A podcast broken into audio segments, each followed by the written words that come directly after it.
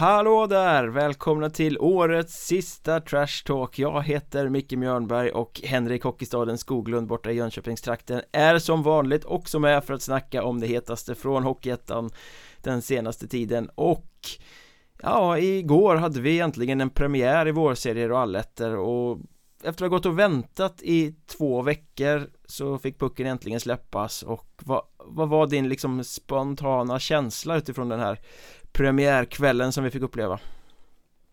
Ja, jag valde ju helt fel match att följa. så om man nu ska tänka sig underhållningsvärde. Och det var ju Troja emot eh, Mariestad. Så jag vet inte riktigt vad jag lämnas med för känsla.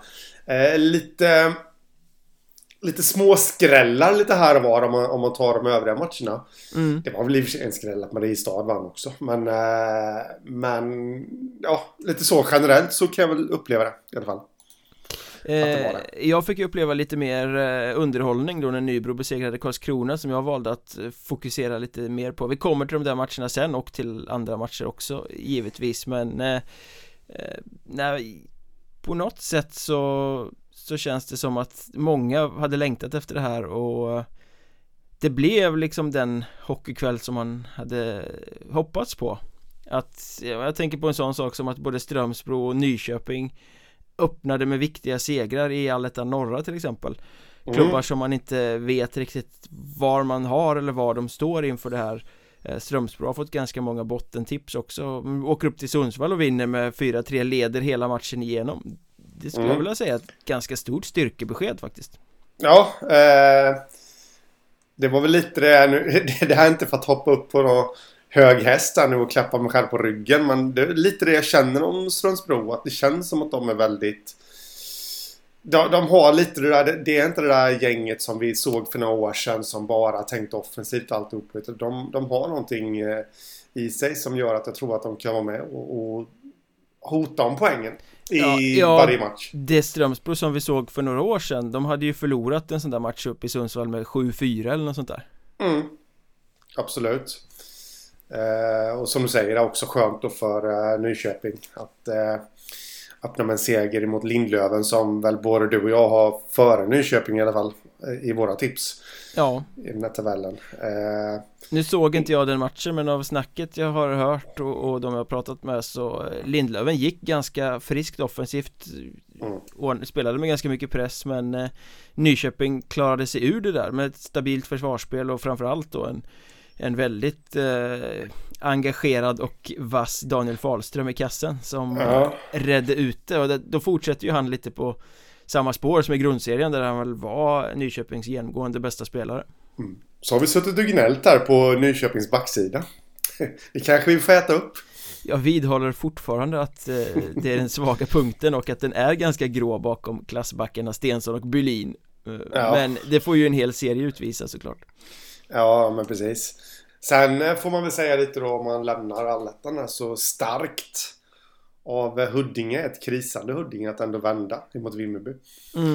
Eh, det var ingen supervändning såklart. det var ju bara ett 0-1 underläge men eh, jag kan tänka mig att, att tankarna kom. Eh, lite överraskad över att Tyringe bara fick med sig en uddamålsseger mot Segeltorp. 3-2 där va? Ja.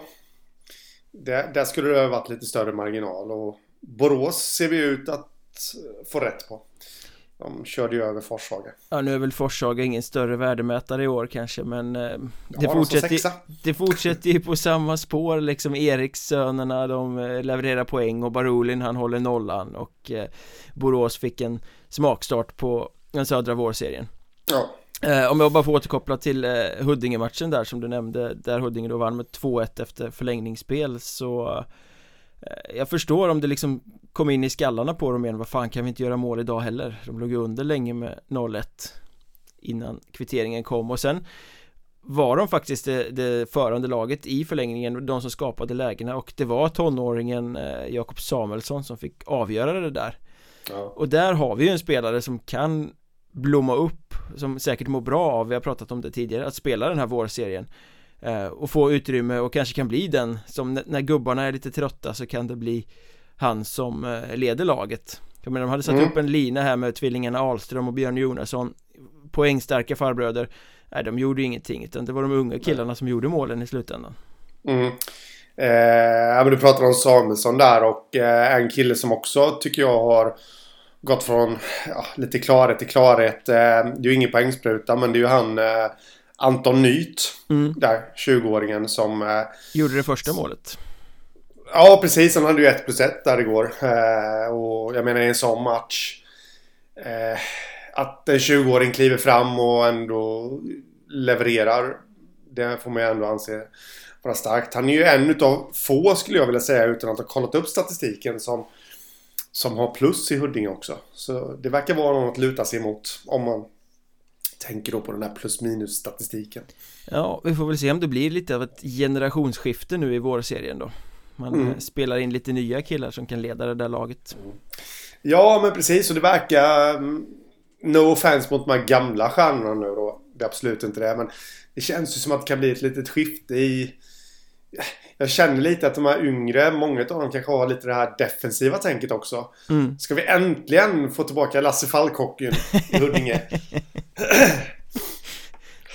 I hope not.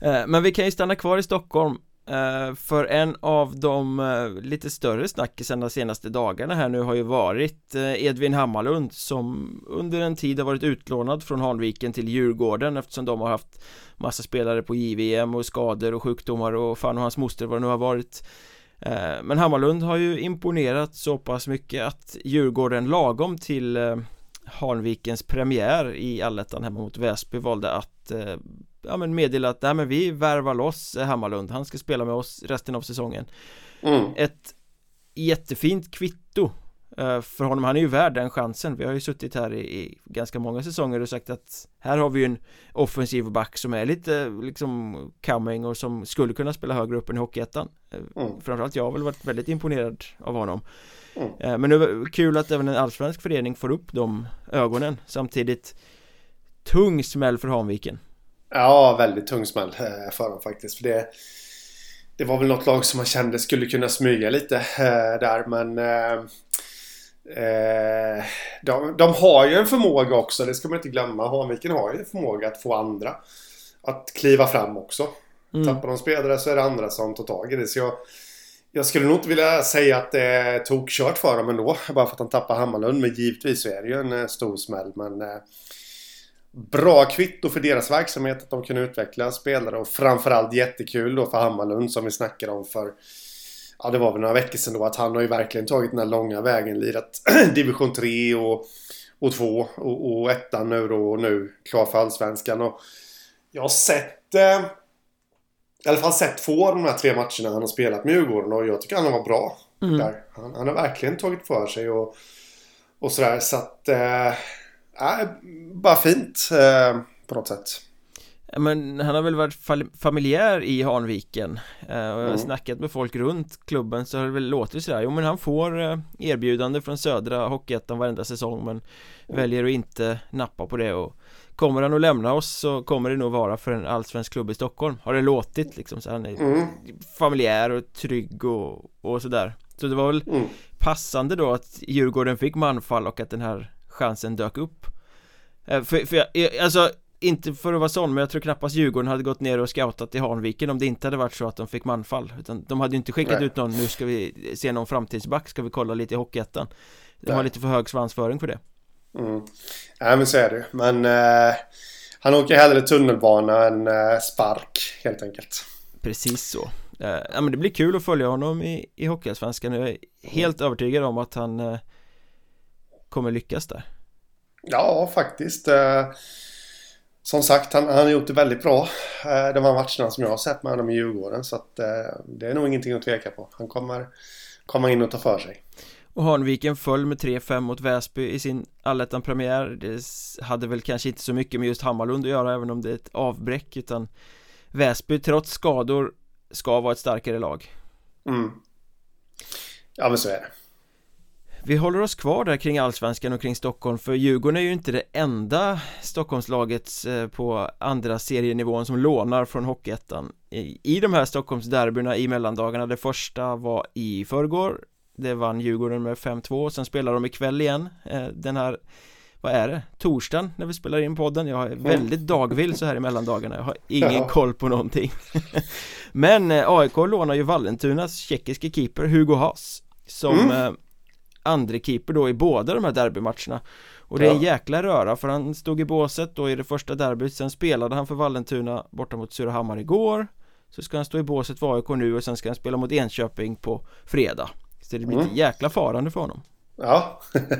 ja, men det är kul för honom och det, det är väl kul för... Eh, ja, men just så här också att man kan lösa så att de här spelarna kan vara med. De som lånas in då, att de ändå kan vara med sina lag.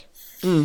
Eh, här. Det tycker jag är väldigt bra. Men eh, det är ju lite att man sitter och önskar att han ska få chansen också mellan stolparna i AIK. Ja, stort om han fick kliva in ikväll då och spela derbyt. Mm. Eh, men det, det ska väl till någon skada i så fall. Ja.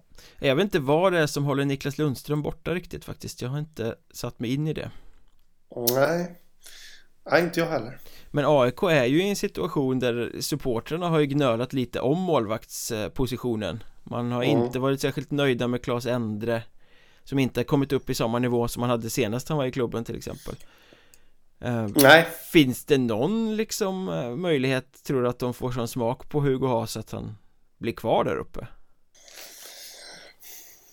Ja, jag vet inte. Det känns nog lite som att det läget som AIK är i. Eh, de ligger ju väldigt prekärt till i tabellen och de skulle nog i så fall gå ut efter en mer rutinerad målvakt. Mm. Får jag för mig. I alla fall. Jag, jag, tror inte de vågar göra den chansningen. Eh, eh, faktiskt. Det här är ett lappande och lagande just för tillfället bara. Mm. Ja, det tror jag. Men definitivt att man kan ha en åtanke till nästa säsong där. Mm.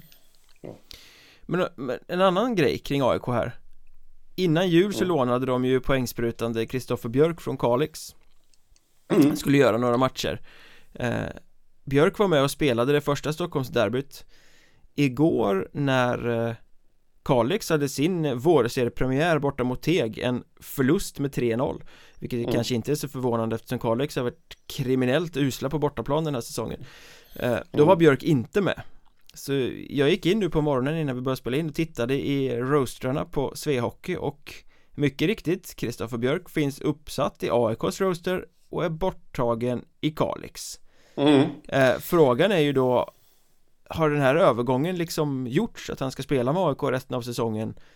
Eller vad är det frågan om? För ingen av klubbarna har ju gått ut med någonting I, i talande stund då när vi spelar in det här tidigt på morgonen den 29 december Nej Ja, det är alltså...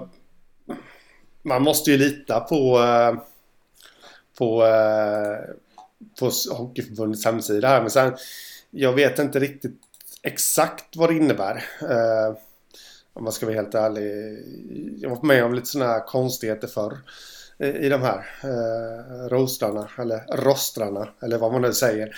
I flertal. Men det känns ju onekligen väldigt skumt. Och det känns väl som att Eh, han är klar för AIK mm. permanent.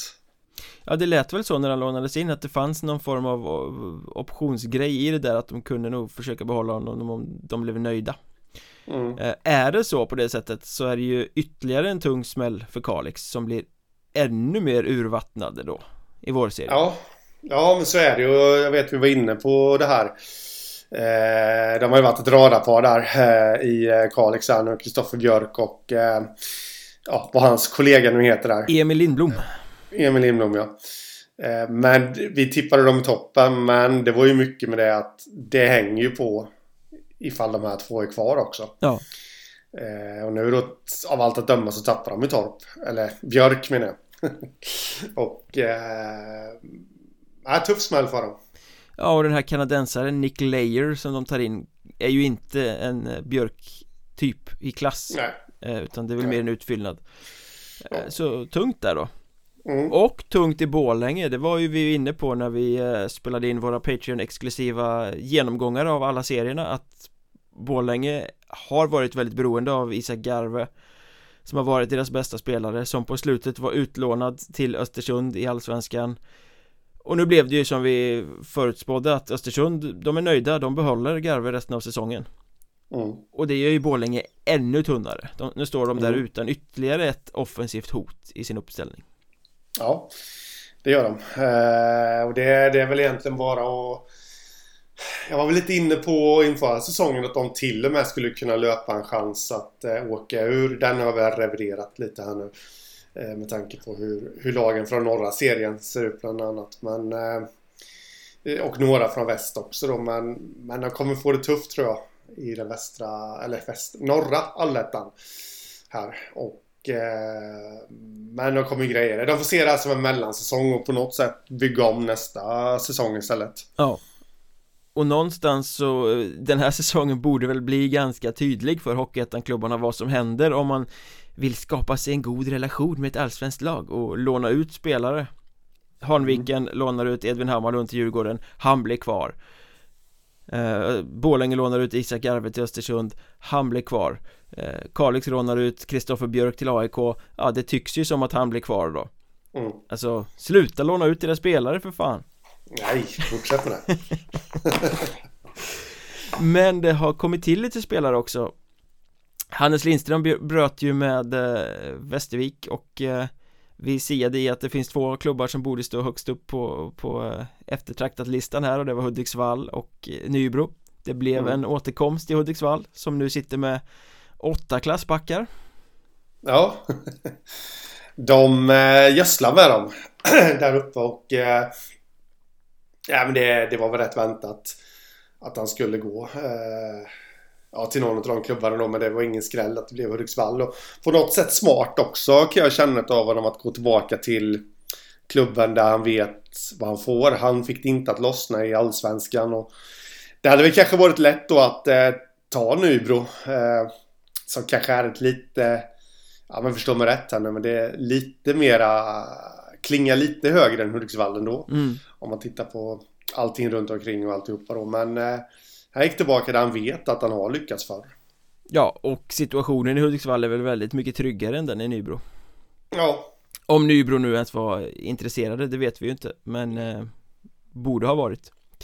Ja, det kan man tycka. Eh, och jag pratade med någon som sa så, oh vilket klassnamn Hudiksvall tar in så här. Så, jo, det är klart att det, det, är ett klassnamn, men han är ju inte ett större klassnamn än de de redan har. Så i det här sammanhanget så blir det ju inte en wow-värvning, det blir bara en addering till en redan väldigt stark backsida. Mm. eh, Och jag tycker ja. att vi har pratat väldigt mycket om Troja, att de har Hockeyettans bästa backsida Men frågan är om inte Hudiksvall går om nu. Det är en väldigt kreativ backsida. Ja, jo det kan man säga Att de har, så det gäller ju bara att de får ut det här nu också. I, eh, De har ju premiär ikväll. Den är jag rätt taggad på. Borta mot Piteå ja. Mm. Så det blir väldigt spännande att se. Verkligen. Eh, Sen har vi Hugo Engsund har vi snackat om vid upprepade tillfällen i den här podden också och eh, efter att Kiruna AF lagt ner verksamheten har han varit klubblös. Nu har det löst sig, han kommer spela med Köping av alla lag resten av säsongen. Ja, ja den var ju lite oväntad eh, minst sagt för jag Och jag kan säga att jag förstår den inte. Nej. Jag ska vara helt ärlig. Jag eh, Köpings problem Alltså deras målvakter som de har kört med här då, Jonas Eneroth och eh, Sebastian Trygg, de har ju ingen statistik som att skryta med. Så enkelt är det ju. Men det beror ju inte på dem, det beror ju på laget. Ja, men det, är väl samma sak. Eh, Hugo Engsund har väl inte heller någon eh, statistik att skryta med. Men Nej, det beror ju på Kiruna AF och inte på honom. Ja. väldigt märklig värvning måste jag faktiskt säga. Och det är ju andra gången faktiskt den här säsongen som Hugo Engsund där är med i en sån här ja men vi vet ju att uh, Kiruna värvade ju in Alexandri Hayes kan det va? Japp. Uh, the biggest showman. You will ever see him. Jajamän. Uh, I och för sig så blev det ju lite bättre med honom rent statistiskt i Kiruna. Men det var ju efter ett tag. Ja. Det var ju när Kiruna redan hade bestämt att de skulle lägga ner. Och, och de slöt sig samman och, och började vinna. Eh, och då, då blir Hugo Engsund en av de som petades där. Så att det... Äh, väldigt märklig faktiskt. Värvning av Köping. Ja, Köping... Det är klart, tre målvakter är väl inte dumt att ha om man förväntar sig att man ska hamna i kval eller sådär eh, Men det hade ju varit mer rimligt att lägga de pengarna på forwardsförstärkning, någon som kan göra mål åt dem mm. Ja eh, Jo, det kan jag tycka. Sen inget ont om Hugo Engsund. Det är jättebra målvakt. Men jag, jag är lite tveksam till att det här kanske är det rätta för hans karriär. Å andra sidan, det kanske inte fanns så många klubbar som behövde målvakt just nu Så att det fanns så mycket att välja på eh, det, märk ja, det märkliga ligger nej. ju inte så mycket i att han väljer Köping utan att Köping väljer att ta in en tredje keeper Så länge det inte ja. finns någon sorts skadeproblematik någonstans som vi inte känner till mm. Nej, så kan det ju vara Men eh... Ja, men alltså sen det finns väl klubbar som behöver målvakter. Exempelvis Troja har ju en skada på andra målvakten där, Milton Rosén. Mm. Och eh, kör nu då med J20-målvakten Viktor Westermark som backup. Jag har ingen aning hur länge Rosén kommer bli borta men eh, det hade ju varit ett alternativ exempelvis. Mm. Att de tar in Hugo Engström där och bakom Ragnevall men eh, ja, det återstår att se. Jonas Eneroth och Hugo Engström blir ju ett rätt starkt målvaktspar om inte annat Får ja. se om de kan rädda ja. Köping kvar i Hockeyettan mm. Men eh, du nämnde Troja, vi kanske ska kasta oss på det Du satt ju och specialstuderade detta hypade topplag igår när de förlorade allettan-premiären hemma mot Mariestad med 3-5 Ja men mm. ett lite uppseendeväckande resultat ändå Ja det måste man säga eh, Om man ser till hur det har sett ut under hösten så så var ju Troja skyhöga favoriter skulle jag vilja säga i den här matchen. Men eh, jag tycker att eh, man kan se det från två olika sätt den här matchen. Eh, om vi börjar med bortalaget där och gästerna Mariestad så på något sätt kan jag tycka att de genomförde den perfekta bortamatchen. Mm. De gav inte Troja så mycket utrymme. De, de offrade sig eh, hänsynslöst i egen zon. Jag vet inte hur många blockerade skott de hade efter bara 10 minuter av den första perioden. Eh, kontrade effektivt och var effektiva när det gäller att sätta dit sina lägen som de ändå fick då. Jag såg de två första perioderna. Det var som att eh, jag hade hellre sett en vägg torka efter en ommålning kan jag säga. Tyckte att det var fruktansvärt tråkig hockey men det Mariestad gjorde sina mål på då det var ett powerplay eh, där de målade direkt och en kontring i eh, boxplay där eh, Jesper Lindén, vem annars, fick friläge. Ja, i, ingen är väl förvånad över att han gjorde de första målen. Nej. Nej, men så är det och eh, där tror jag då dessutom slarvade eller om man är snäll hade lite otur på eh, ja, på blålinjen. Helt enkelt då, i sitt powerplay. Så att eh, kanske lite ouppmärksamt från Troja och eh, det är väl det. Men jag tycker att Troja av de perioderna jag såg så tycker jag Troja var det bättre laget så tillvida att de, de förde ju matchen. Mariestad kapitaliserade egentligen bara på misstagen som Troja stod för. Mm.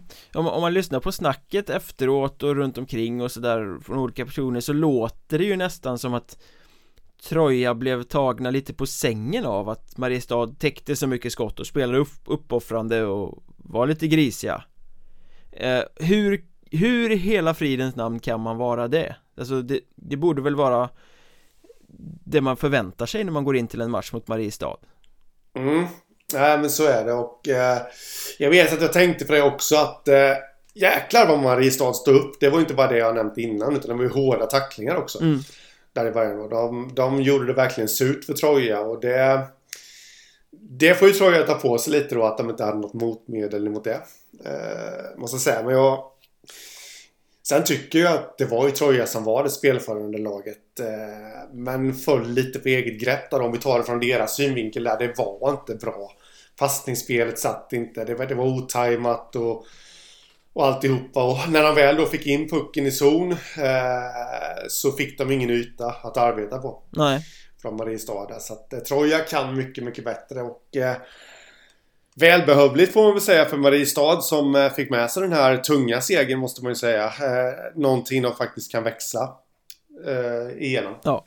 Men jag blir lite allergisk mot det här Jag gillar Jens Gustafsson i stort Han brukar säga väldigt vettiga grejer och, och göra kloka analyser tror jag tränaren där Men efter den här matchen så står han då och säger att vi gjorde vår sämsta hemmamatch för säsongen Och så får man ju fan inte säga Det, det är typ den sämsta analysen någon i ett hockeylag kan göra.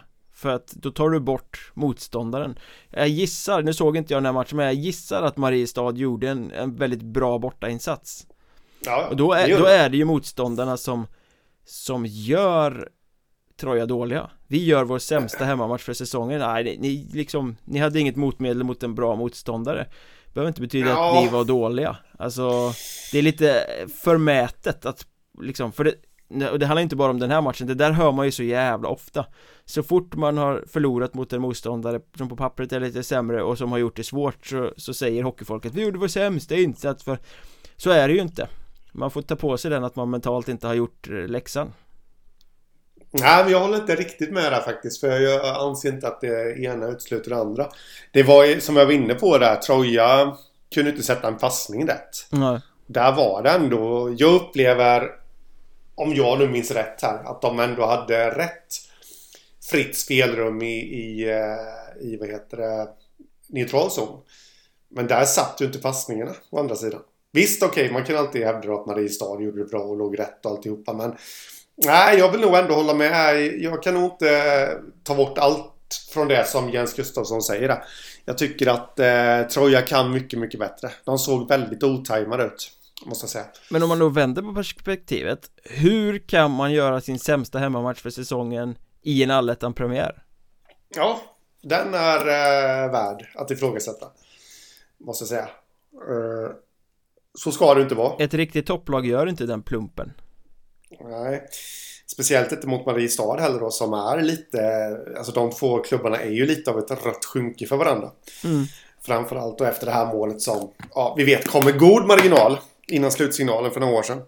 Ja just ja, ja, det var ju långt, det var ju säkert fem sekunder kvar av matchen att ja. Eh, nuvarande assisterande tränaren Tobias Törnqvist stötte in avgörande pucken i playoff. Ja.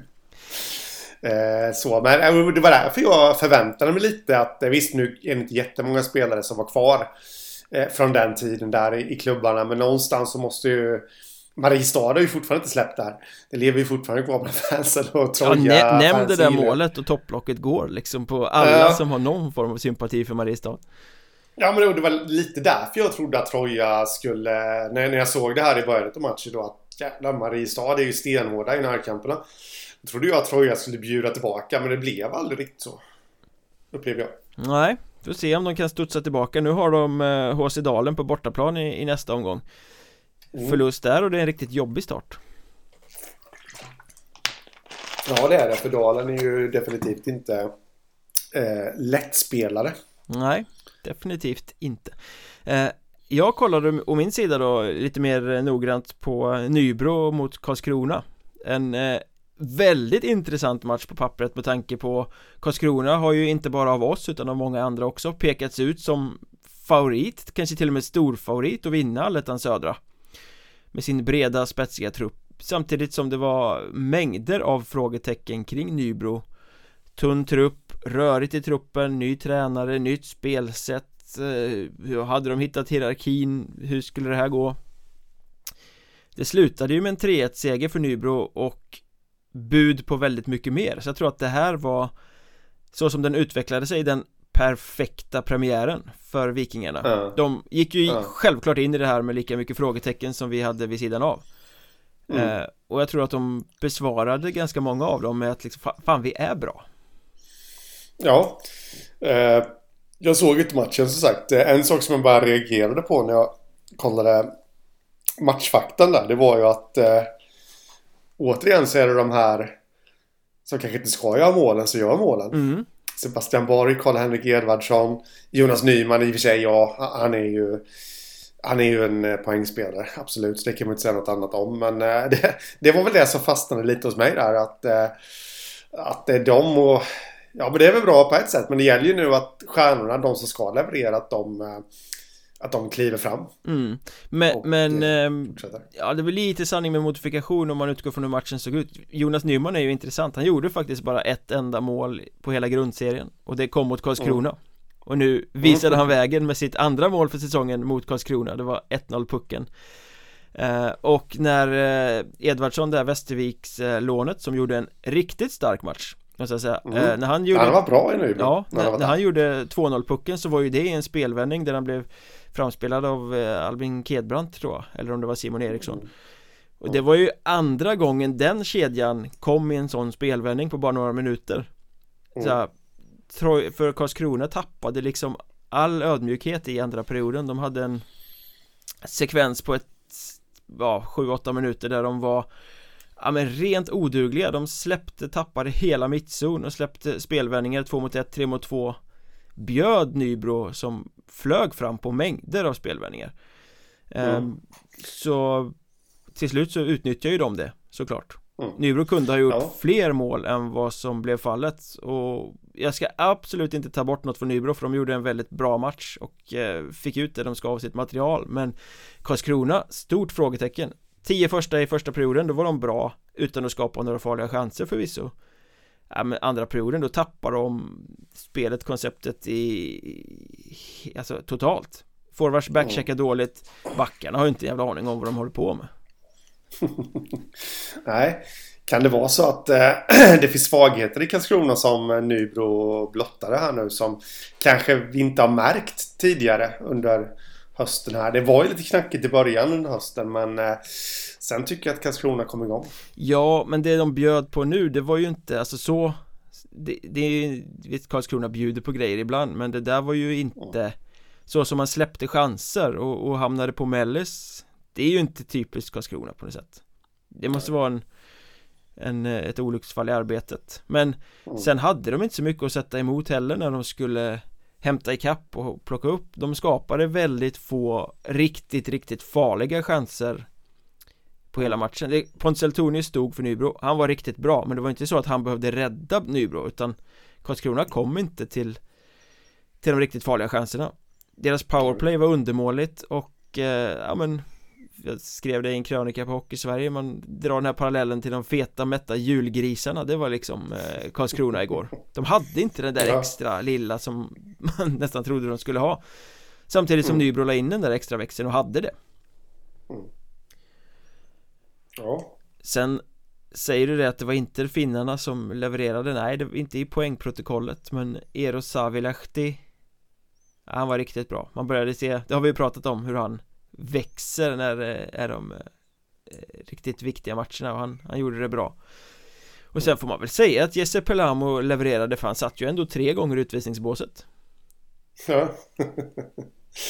Jag gjorde det. Samtliga tre gånger är helt i onödan också skulle jag nog vilja påstå så att, ja. Men Rent mentalt måste det ju ha varit den perfekta starten för Nybro som sagt.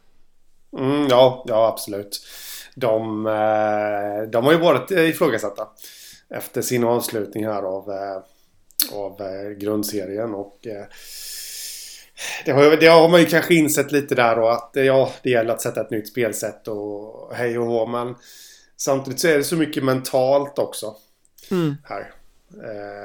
Det ska bli intressant att följa. Det kommer ju en toppmatch här redan imorgon nu då. Mariestad mot Nybro. Ska Mariestad följa upp sin starka seger mot Troja eh, och besegra Nybro eller ska Nybro då följa upp sin eh, återfödelse? Ja, men det där är ju en intressant match för det måste ju vara två lag som mår ganska bra efter den här premiärmatchen. Mm. Ja. Karlskrona å sin sida ska åka hem och spela mot Kalmar. Mm. Det är inte lätt. Det blir inte lätt. Nej. Det blir inte så att... Eh, det är väldigt spännande. Och två raka torsk som stor favorit i öppningen. Den, ja, den kan ju vara lite jobbig att fira nyår med det på i, i bakhuvudet. Ja. Det blir inte mycket skumpa där Nej, det blir ut att springa intervaller på nyårsnatten istället. Få ja. bort de där julkilorna som gjorde att man såg tunga ut mot Nybro. Eh, Sen ska väl nämnas också just att eh, bottentippade Halmstad Hammers fortsätter rusa fram. Ja. 5-1 mot Skövde och det ja. ska man väl kanske inte vara så förvånad över. Ja, ändå va? Kan jag tycka. Eh, alltså det, det... Det jag tänker det är ju ska Skövde... Ska det bli likadant i Skövde nu? Mm. Eh, det är väl så jag tänker alltså. Och det, det börjar ju inte bättre. Men likadant då så menar jag att Skövde alltid eh, är en besvikelse i allettan. Ja. Där de har varit de senaste åren. Och Halmstad som vi trodde då skulle sluta sist. Uh, by the way, förresten efter en omgång så ligger ju de två jag hade 9 och 10. I mitt tips, de ligger ju 1 och 2. så det är bra. Ja. Men uh, jag vänder på tabellen för att uh, trösta mig själv. För spänningens skull. Spänningens skull. Ja. Eh, och sen kan man inte frånta Halmstad heller då, eh, såklart alltså. Nu såg inte jag en sekund av den här matchen men de verkar ha gjort en eh, stark match och eh, kom tillbaka direkt där när de tog ledningen. Eh, sen kvitterade Skövde och då dröjde det bara några sekunder innan Melker Iversen, en av kärnspelarna, mm. eh, genom ledningen igen där då. Och sen släppte de ju aldrig det taget där riktigt. Eh, så att... Eh, starkt av Halmstad. Och det är ju...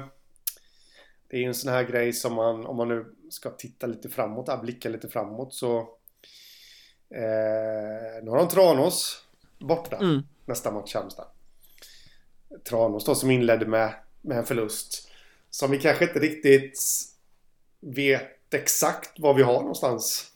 Nej, att Tranås förlorar med 3-1 mot ja. Kalmar i premiärmatchen Det är väl liksom eh, enligt manus så att säga Det är ingen som förväntar sig att Tranås ska mm. ta några poäng där eh, Så att den här matchen Tranås-Halmstad blir väl väldigt mycket mer ett eh, Liksom Kvitto på var lagen står gentemot varandra. Mm. För jag menar om man tänker Halmstad, Tranås, Skövde, de vi nämner här Det är ju lag som vi och de flesta andra också Förväntar sig ska befinna sig på positionerna 5 till 10 Alltså mm. nedre delen av allettan i alla fall. Så det är ju de matcherna som det är oerhört viktigt att ta poäng i. Ja. Och att då som Halmstad kör över Skövde med 5-1 Viktigt eh, För Skövdes del Oroväckande att återigen kliva in i allettan och Det är inte så att man förlorar en ordentlig drabbning med 4-3 eller något sånt där utan att Man är inte riktigt där hela vägen fram och får ordentligt med smörj Mm. Dåligt Nej, tecken. Mm. Och dessutom då på fredag tar de emot Visby-Roma. På hemmaplan, ett Visby som har varit eh, väldigt starka på bortaplan. Det är ju mer ett bortalag numera. Ja. Eh, Skövde i och för sig väldigt starka på hemmaplan också. Så att, eh, det, det, det, är också en sån intressant match. Väldigt intressant match. Nej. Um... Där Skövde mer eller mindre piskar att vinna. Skulle jag säga. Ja, för att inte ha fått den här negativa starten igen då, då. Mm. Uh, Och Visby hämtade ju upp underläge uh, Nu förlorade man förvisso efter straffar Men uh, man hämtade ändå upp underläge mot HC Dalen hemma mm.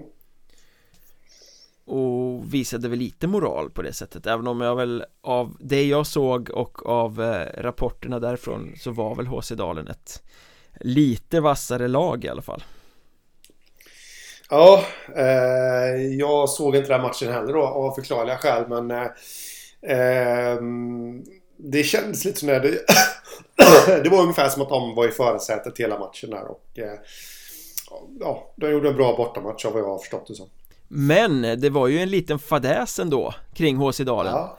kunde man läsa på sociala medier sent igår kväll De tog sig till Gotland och misslyckades med att få med sig sin segerhjälm ja. Alla klubbar har ju någonting som delas ut till eh, spelaren som har gjort den bästa matchen Vissa har någon snuttefilt, vissa har någon rånarluva Vissa har en bygghjälm Jag tror att det är det HC Dalen har va?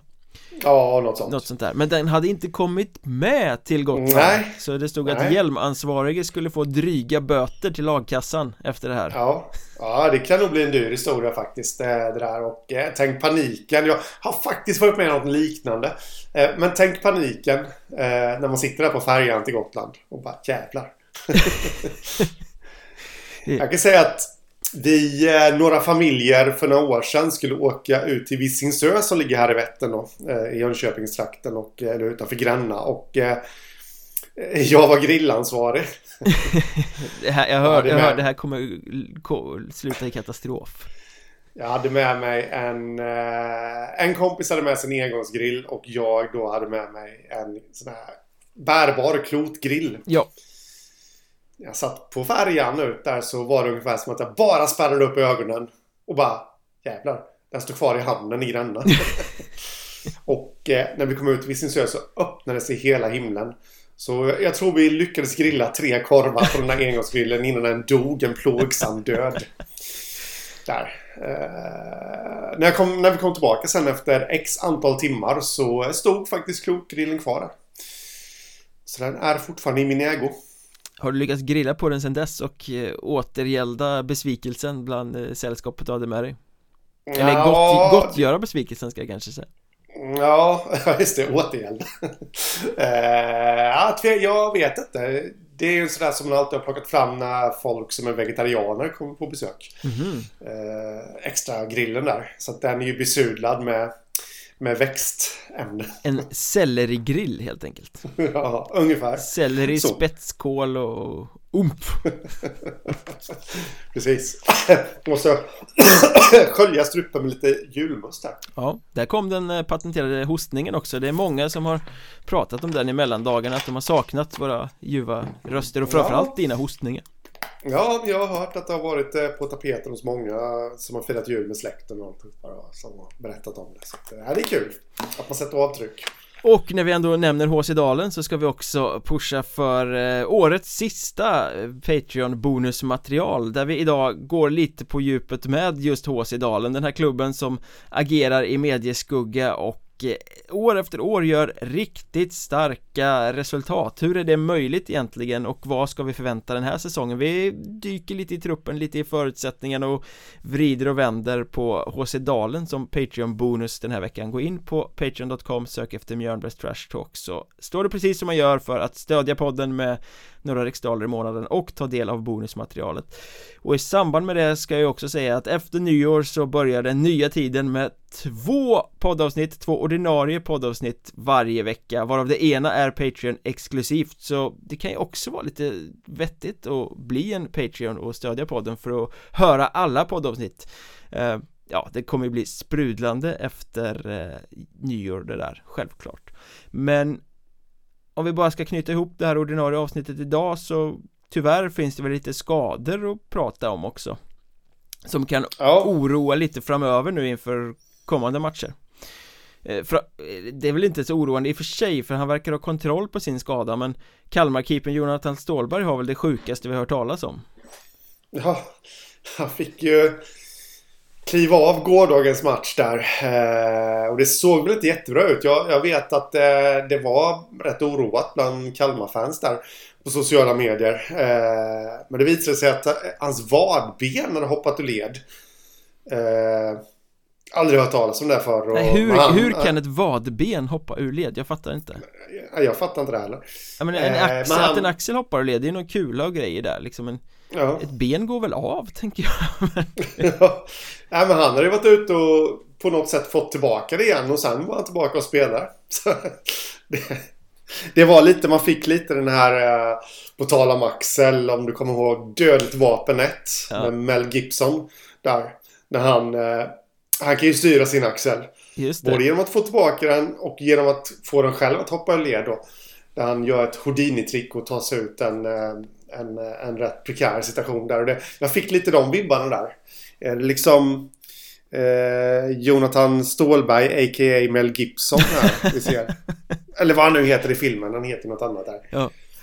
Eh, ja men Stålberg han gick ut och la sig i en, en korridor, flippade benet rätt medan Alexander Nilsson stod i några minuter och sen kom han tillbaka Jaha. Det är det sjukaste jag hört talas om Ja, nej det och att han liksom inte tar det säkra för det osäkra och bara kliver av matchen då utan det är ju ändå i tredje perioden Det är ändå ledningen 3-1 Man kan ändå lita på mm. Alexander Nilsson Men nej ja.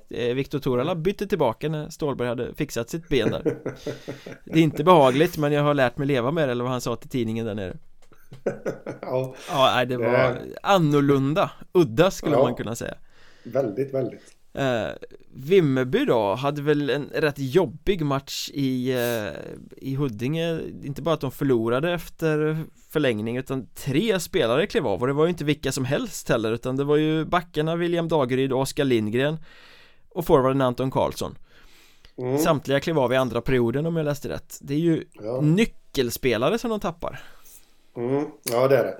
det är, någonstans så, det är lite det man har tjatat om under hösten här att Ja men Vimmerby de har ett så pass starkt lag så att eh, det, det, här kan mycket väl vända för dem när de väl får upp grejen och alltihopa. Men då är det inte bra att de här tre spelarna kliver av. för det är just de lite man har, man har baserat. Mm. Bland annat de man har baserat där på att, att de har kvaliteten att vända. Så det är bara att hoppas att, att de inte blir borta länge. Nej och, och tränaren Hampus Sylvegård sa väl till dagens Vimmerby där att han är inte någon läkare så han kan inte göra eh, Ställa några diagnoser men eh, någon kanske är tillbaka redan på fredag och någon kanske inte spelar alls Mm. och han nämnde ju inga namn där så att vi, vi får väl se helt enkelt vilka som kommer tillbaka i spel ja. Um, ja. Men man har ju inte råd i den här serien att gå utan tre klassspelare om man ska vara det här topplaget mm. Speciellt inte som man inledde då med en förlust och har Borås Stora starka omutliga Borås på hemmaplan i nästa match mm. Tänk om man skulle säga det Stora, starka, omutliga Borås. Nej, det trodde man inte. Nej, det, det är en eh, ovanlig sägning som man kanske inte hade förväntat ja. sig. Men på tal om det förresten. Eh, det är inget ont mot Hampus Sylvegård ännu men börjar man inte bli lite trött på den här klyschan nu? Jag är ingen läkare. Jo. Nej, vi vet att du inte är det. Du är hockeytränare. Ja, jag brukar själv slänga mig med den där lite men uh, när man tänker efter så är det rätt roligt. Jag är ingen läkare men tänker nu ändå ställa en självdiagnos. Ja, ungefär. Jag menar, du måste ju ha diagnostiserat dina hostningar x antal gånger i, i livet. Ja, nej, jag bara, jag bara kör. Du bara gillar läget. Ja. Men den värsta av de här skadorna då som har kommit upp Verkar ju vara på Lukas Isaksson i Tranås som klev mm. av i förlustmatchen mot Kalmar. Axel snackas det om och de är väl inte på det klara om det här kan vara en allvarlig skada eller inte. Och jag förstår Nej, att alla kring Stiga Arena håller andan här då för Lukas Isaksson är väl Vid sidan av eh, bröderna Eklöf och Anders Skog Lagets viktigaste spelare. Mm. Ja men är, han är en utav dem i alla fall som, eh, som bär det här laget så det är klart att det skulle definitivt inte vara bra ifall han eh, går sönder eh, och tvingas vara borta vad tror du det betyder för dem? Om han är indisponibel en längre period? Jag menar den typen av spelare som både har snipe-egenskaper och klubbhjärta går ju inte att värva Även nej. om det har släppt lite på marknaden Ja, nej men det är just det jag tänkte komma till också. Att just sportsligt, eh, alltså poäng och sånt, ja, det är klart att det betyder men det känns ändå som, där har de andra som skulle kunna kliva fram. Men däremot, som du säger, de med klubbhjärta och alltihopa det där, det går ju inte att ersätta. Så att eh, det kan nog betyda en hel del och det, det, är väl lite... Man får, man får ju lite ont i magen här nu. När man, eh, när man tänker på Tranås och allt de har varit med om de senaste säsongerna. Med skador på nyckelspelare och alltihopa då. Ska det börja igen? Mm. Det är bara att det börjar lite senare den här säsongen. Ja, på det kontot ska väl också eh, skrivas upp liksom det ironiska att det är Tranås som åker på all skit alltid att de hade ju inte huvudtränaren Arto med sig igår, han var sjuk lagom till allettan-premiären om jag förstod ja. saken rätt så att alla olyckor drabbar Tranås Ja, någonstans, det verkar vila en förbannelse däröver men eh, de får ju vara lite glada här nu över att eh, regeringen lägger ner snabbtågs eh, spåret där. Det innebär väl att Tranås får behålla sin X2000-status i alla fall. Oj då. Mm. Mm. Det tåget. Jag tror inte att eh, de skulle ha varit tilltänkt för en eh, snabbtågsstation. Dock lite osäker. Så ni får väl skicka mail till mig, Tranåsbor, om jag har fel. De får eh, eh, behålla den här linjen som Fredrik Mälberg satt och pendlade med när han var ja. eh, huvudtränare för Tranås för x antal år sedan. Jajamän. Vad kikar du på imorgon kväll då? Fredag kväll när eh, allettorna och vårserierna rullar vidare Finns det någon match som står ut som du känner att det här vill jag titta på? Ja, hade du inte nämnt ordet match där utan bara sagt det, vad ska du kika på så hade jag sagt ner i flaskan. Men... det ena behöver inte utesluta det andra. Jag har sett på sociala medier att det finns människor som dricker öl när de tittar på hockey på TV. Nej då, skämt åsido, det blir väl, eh, jag har inte riktigt, riktigt bestämt mig men det finns ju en hel del, eh, vi har varit inne på det innan, Mariestad-Nybro.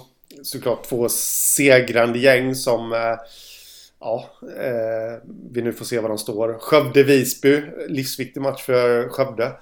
Eh, Troja möter Dalen borta där. Alltså Troja måste ju mer eller mindre med sig en vinst. Samma sak för Karlskrona mot Kalmar. Ja. Tranås-Halmstad. Alltså var, står de här bägge gängen? Det var ju bara för att avhandla den eh, Ja, man skulle kunna rabbla egentligen nästan varje match. Nu känns det som att man är sponsrad av Hockeyettan också. Men det är jag inte. Men just så här, det, det är ju lite så här i mellandagarna. Det är ju... det blir ju spännande Ja, det gör ju det och en bra start är ju viktigt och jag, därför tycker jag ju att om man tittar på södra serien här så är ju Skövde, Visby och Tranås, Halmstad väldigt spännande matcher för att se vart de står i förhållande till varandra men jag är lite sugen på också att lyfta blicken från allettorna, titta ner mot vårserierna och hitta en match i den södra vårserien mellan Köping och Mörrum.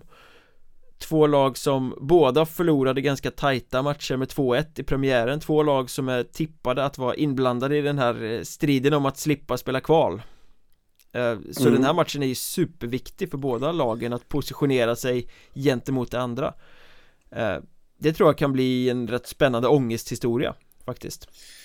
Ja, absolut. Sen får vi väl se lite också där. Lite överraskande faktiskt med tanke på hur jag ser att, att det här ska sluta. Att Kriff lyckades vända. Det trodde jag faktiskt inte när Mörrum tog ledningen mot dem. Nej. Eh, jag trodde de skulle falla ihop då, men eh, starkt av dem faktiskt. Och då, då är det väl egentligen då läge på att man ska kolla på, på Kriff Tyringe också. Ja. Där. Eh, Tyringe som jag nog trodde skulle vinna med lite mer marginal mot Segeldorp. Än 3-2. Eh, och Krifto som vann, en stark vändning där. Vad, ja, vad står de här två gängen? Det var Micke Tisells första seger som Krift-tränare. Ja, grattis får vi säga då. Mm, till slut hände det och det var båda målen ja. kom på några sekunder där i slutet på andra perioden mm. i den matchen.